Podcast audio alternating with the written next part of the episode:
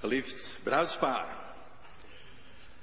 Ik denk dat maar heel weinig mensen hier zullen zijn die niet zullen instemmen met de gedachte dat dit toch wel een hele bijzondere gelegenheid is.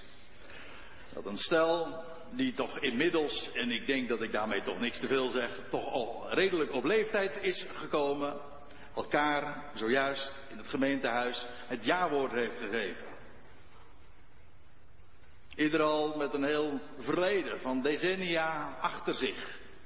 En dan nu deze stap genomen. Wij zijn van de familie en vrienden. En ja, dat is heel bijzonder. Het is heel bijzonder dat jullie nog zo vitaal mogen zijn. Het is heel bijzonder de wijze waarop jullie elkaar ook gevonden hebben rondom het woord.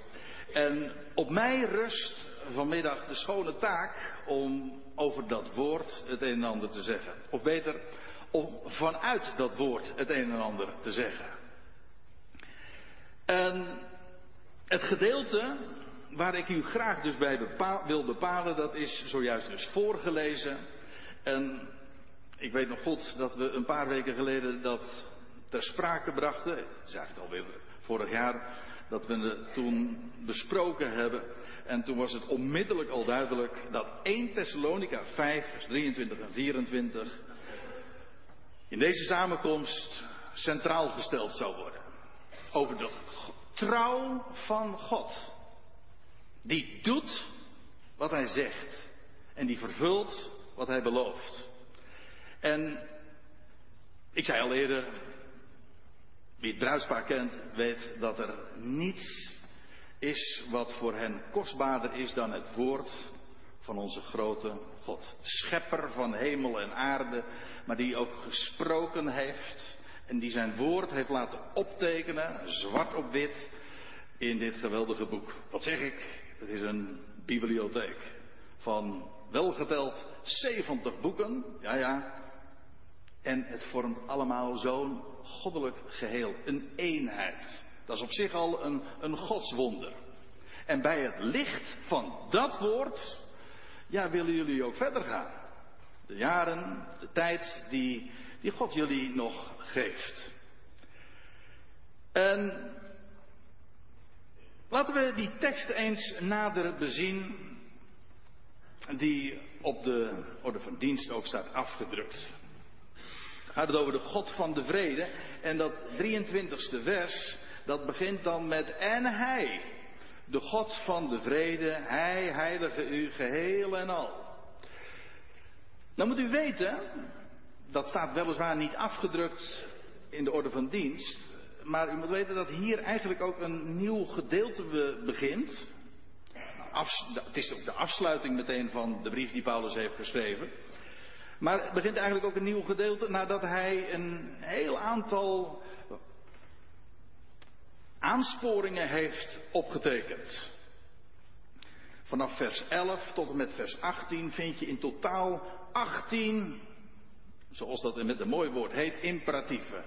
Uh, dat heet dan gebiedende wijs en dat klinkt erg onvriendelijk, maar dat valt wel mee hoor. Want als je leest wat er allemaal staat, dan is dat een geweldige uitnodiging. Ook een enorm voorrecht. Ik bedoel, als ik zeg smakelijk eten, is dat ook een imperatief. Hè? Een gebiedende wijs. Maar het is toch heerlijk als, uh, als je dat mag doen. Of slaap lekker. Geniet ze. Maar er staat in, in het Paul, uh, het gedeelte dat daar een Paul vooraf gaat, daar lees je in vers 16 en 17 en 18. Daar wil ik u graag nog eventjes bij bepalen. Voordat ik naar dat 23e vers ga. Want daar wordt gesproken over de wil van God ten opzichte van ons. In vers 23, dus dat wat u voor u ziet, dan gaat het over wat God zou doen aan ons maar in die dingen die daaraan voorafgaan wordt gesproken over de wil van God. En weet u wat er dan staat? En dat zijn hele korte zinnetjes. Sterker nog, het is vers 16 van 1 Thessalonica 5 is het kortste vers van de hele Bijbel. In het Grieks dan. Zoals het is opgetekend ooit. Daar staat, verblijd je altijd. Twee, bid zonder ophouden. En drie, dankt onder alles. Want dat is Gods wil in Christus Jezus ten opzichte van jullie. En dat zijn drie aansporingen. Feitelijk, als je het goed leest, is het maar één. Want daar waar God gedankt wordt in alles. Dat kan, dat kan trouwens, misschien is dat goed om dat er eventjes bij te zeggen. Je kunt God alleen maar danken in alles als je weet dat Hij God is. Dat Hij alles in zijn goddelijke hand houdt en dat er bij Hem, voor ons wel, maar bij Hem nooit iets misgaat. Dat Hij alles beschikt en dat Hij een vader is. Dat Hij de schepper is, de creator van alles. En die met alles en met iedereen, met elke creatuur, een geweldig plan heeft. Als je dat weet en de consequentie daarvan doordenkt, dan is het niet moeilijk om te begrijpen waarom Paulus zegt: dankt onder alles. En eh, dat danken, daar zit in, dat is in het Grieks eucharis, dat kent u wel. Eucharistie, denk daar maar aan. Maar daar zit het, in dat eucharis, dat is danken, maar dat betekent eigenlijk, dat is afgeleid van een woord dat vreugde betekent. Charis, verblijden. En dat vind ik zo mooi. Want als je dus God dankt in alles, heb je ook een reden om je ten alle tijden verblijden. Het lijkt overdreven, maar Paulus slaat die hoge toon aan. De God van de genade, de God van vreugde, de God van de vrede, de God ook van de hoop, daarover straks meer. Hij is het die alles beschikt. En ja, dat, dat weten jullie. Daar leven jullie ook uit. Zo hebben jullie dat ook ervaren nu. En dat is ja, waar jullie van uitgaan sowieso in het leven. Hij beschikt en hij heeft jullie leven ook geleid zodanig dat jullie nu bij elkaar gekomen zijn. En vanuit dat woord, vanuit die verwachting, vanuit die, dat vertrouwen op die God verder mogen. En dan kun je je altijd inderdaad verblijden. Dat lijkt, zoals gezegd, misschien te hoog gegrepen. Maar dankt in alles, verblijd je in alles. En dan heb je ook voortdurend die verbinding met God. Bid zonder ophouden betekent niet dat je voortdurend met je handen gevouwen of met je ogen dicht zou zijn. Dat is eh, natuurlijk absurd. Maar het betekent dat je voortdurend daar die open verbinding beleeft met de schepper van hemel en aarde. Dat je altijd, om het even in modern te zeggen, online bent. Ik wil niet zeggen dat je altijd achter de computer zit. Maar dat wil wel zeggen dat je altijd bereikbaar bent. Hij jou en dat wij tot Hem mogen komen. Dat is dat bidden zonder ophouden. Voortdurend onder een open hemel leven. En dat is de, het voorrecht waarin en waaruit we mogen leven. Daar schrijft Paulus over. Zo sluit hij die brief dan af. Verblijd je altijd. Bid ononderbroken. Dankt in alles. Want dat is Gods wil ten opzichte van jullie. Wat wil God nou van ons? Nou, dat we zo in dat besef elke stap van ons leven mogen zetten. Ja, dat is een enorm voorrecht. Als je dat mag kennen en niet alleen maar weten, heb je er nog niks aan. Maar als je dat ook echt mag beleven en beseffen en zo ook omhoog te kijken, vooruit te kijken. En met dat in gedachten moet je dan vervolgens doorlezen in vers 23. En dat is wat u dus voor u ziet. En hij, de God van de vrede, hij heilige u geheel en al. Kijk, dat is wat hij doet. Het heiligen, dat wil zeggen, dat betekent gewoon apart stellen. En de Heer doet dat niet van binnenuit, hij doet dat geheel. Het is niet een kwestie van de buitenkant. Kijk, als je denkt dat dat mensenwerk is, dan, dan is het buitenkant. Hè? Jezelf heiligen. Maar dat is schijnheiliging. Nee, het gaat over als hij het doet,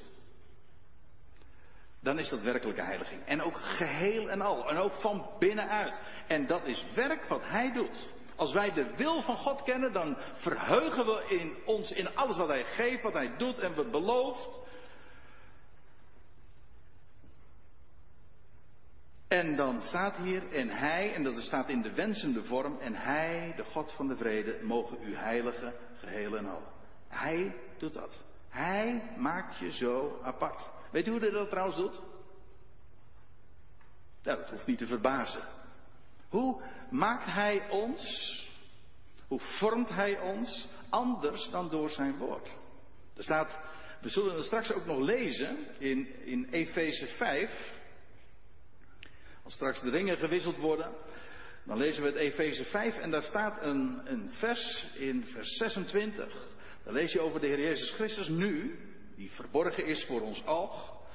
Maar hij is daar nu en wat doet hij? En dan lees je op de, hij heiligt de Ecclesia, dat gezelschap wat hij vandaag uitroept in deze wereld. Maar dan staat er, hij heiligt haar, haar reinigend in het bad van het water, dat is in zijn woord, in zijn uitspraken. Dat wil zeggen, God heeft gesproken.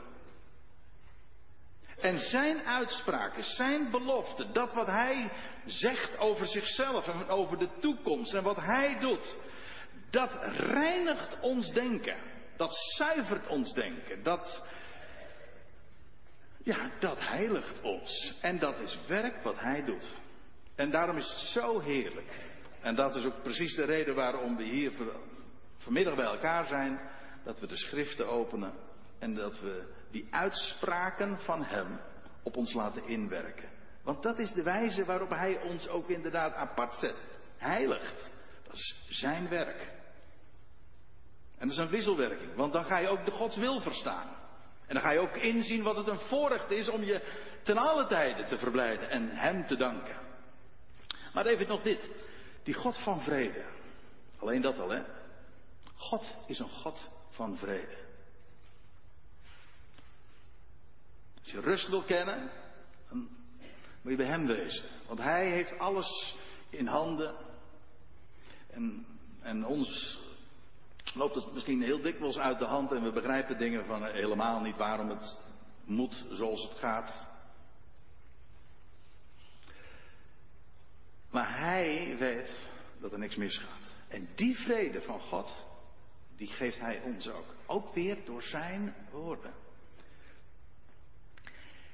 En dan staat erbij, en de God van de vrede, hij heilige u geheel en al. God doet geen half werk. Daar is ook heel de mens wordt daarin veranderd, getransformeerd, lees je in de Bijbel ook. De God van de vrede heilige u geheel en al. En er staat erbij, en geheel uw geest, ziel en lichaam. Ziet u, twee keer geheel. Het totaal heeft God op het oog. En geheel uw geest, ziel en lichaam mogen bij de komst van onze Heer Jezus Christus blijken in alle delen onberispelijk bewaard te blijven. Dat zijn twee uitspraken in de wensende vorm. Hij mogen dat doen. Hij mogen jullie heiligen. En, en dat tweede is niet alleen een wens, maar het is ook een belofte. Hij zal het ook doen, staat erbij. Maar even dit. Een van de grote onderwerpen in dit briefje van de Thessalonicense, dat is de komst, of zoals dat eigenlijk heet, de parousia van de Heer Jezus Christus. Hij is vandaag nog steeds verborgen, ontrokken aan het oog. Maar hij komt terug. En dat is het grote onderwerp. En dan gaat er een totaal andere tijdperk in deze wereld ook aanvangen. Een hele nieuwe aion, zoals dat heet. En dan gaat hij de heerschappij ook aanvangen. Maar dat is de verwachting. Hij zal straks terugkomen. En als u nog een hoofdstukje terug zou lezen in 1 Thessalonica 4, dan lees je dat de Ecclesia, die gemeente, die hem vandaag al mag kennen, hem tegemoet zal gaan. Ja, ik kan me voorstellen dat als je dit nog nooit gehoord hebt, dat je zegt van waar gaat dit over zeg? Het is onvoorstelbaar. Maar lees het maar na. Dat is de verwachting. Hij zal straks terugkeren en dan zal die Ecclesia hem tegemoet gaan. Dat is de hoop. En dan gaat er nog zoveel gebeuren. En dan gaat God zijn eigenlijke plan ook openbaren in deze wereld. Allemaal in fase. Maar God heeft nog zo enorm veel in petto. Niet alleen maar met die Ecclesia, met, de, met dat volk wat vandaag geroepen wordt, maar ik zal u vertellen, met heel de schepping. En dat weten Sim en ook. God heeft een plan.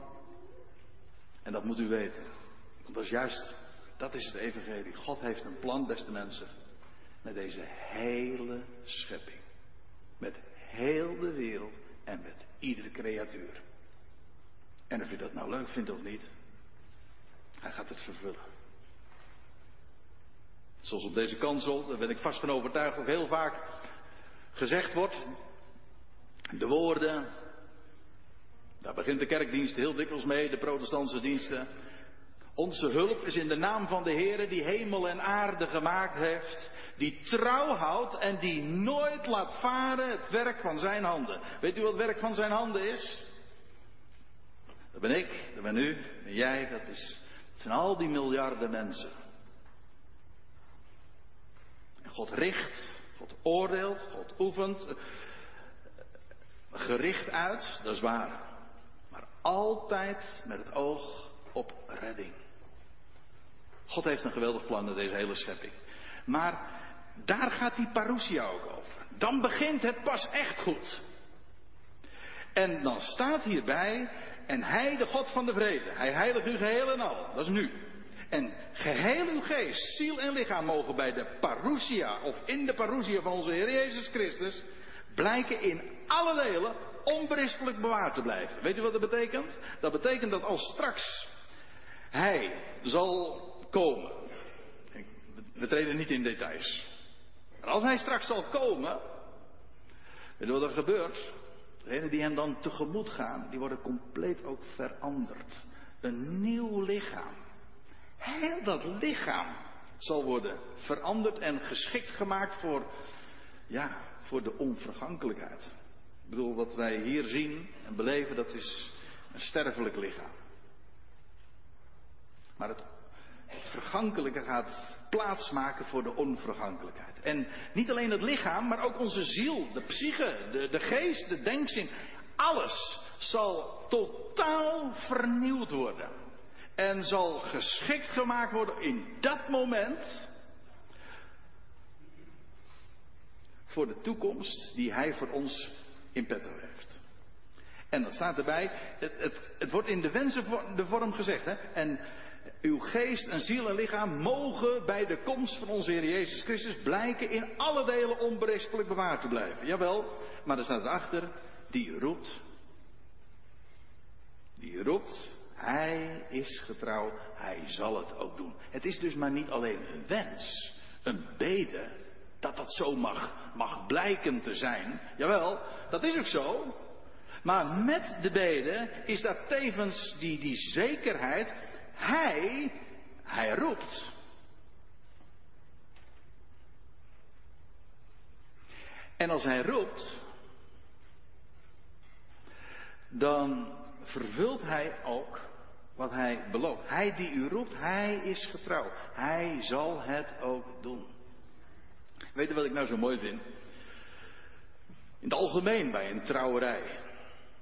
En dit is een hele bijzondere. Jullie beiden de tweede keer jullie trouwen. Maar bij een trouwerij, waar denken we dan aan?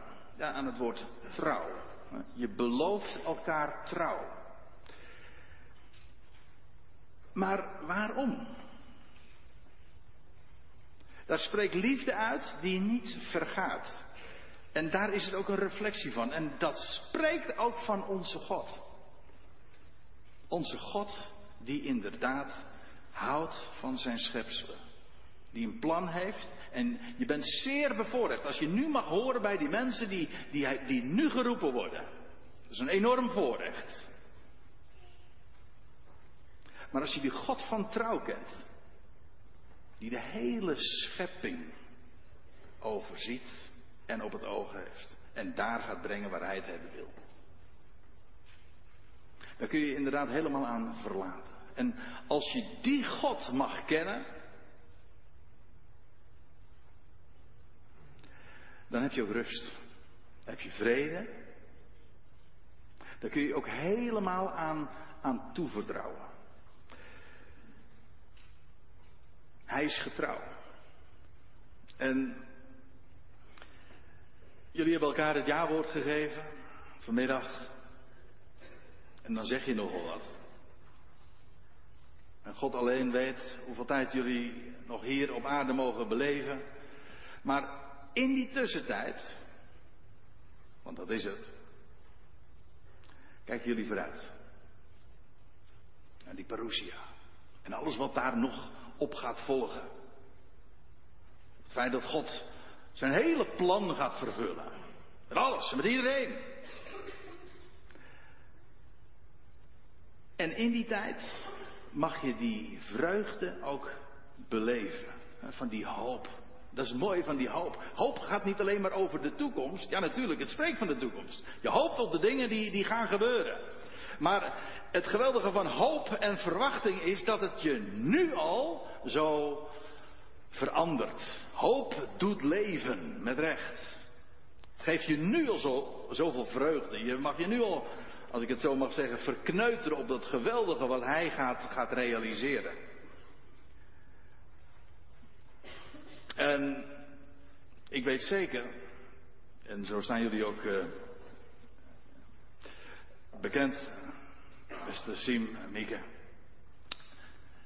Vertrouwt je helemaal toe aan de God van trouw. En daarom hebben jullie vrede en vreugde en danken jullie God in alles. Maar jullie hebben een geweldige toekomstverwachting. Waarom? Omdat je weet, de God die gesproken heeft, die zijn licht laat schijnen in een donkere wereld, het licht van zijn belofte, van zijn uitspraken. Hij gaat dat allemaal vervullen. Daar staat hij garant voor. Dat is geen mensenwerk. Juist daarom kunnen we ons zo verheugen. En dan weet ik zeker, dan gaan jullie ook nog heel veel moois beleven hier. Ja, natuurlijk. Het allerbeste, dat gaat nog komen. Dat is zeker. Maar in deze tijd.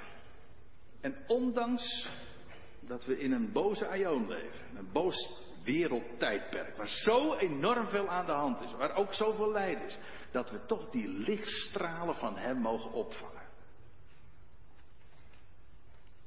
De lichtstralen van wat Hij gesproken heeft, van echt belofte, dat ons doet uitzien, dat ons perspectief geeft, dat het venster opent op wie Hij is. God is getrouw. En in die trouw en op die trouw mag jullie trouwerij, jullie huwelijk gebaseerd zijn. Dag in dag uit dat te mogen beleven. Dat is toch een voorrecht, beste mensen. En hij, hij zal het ook doen.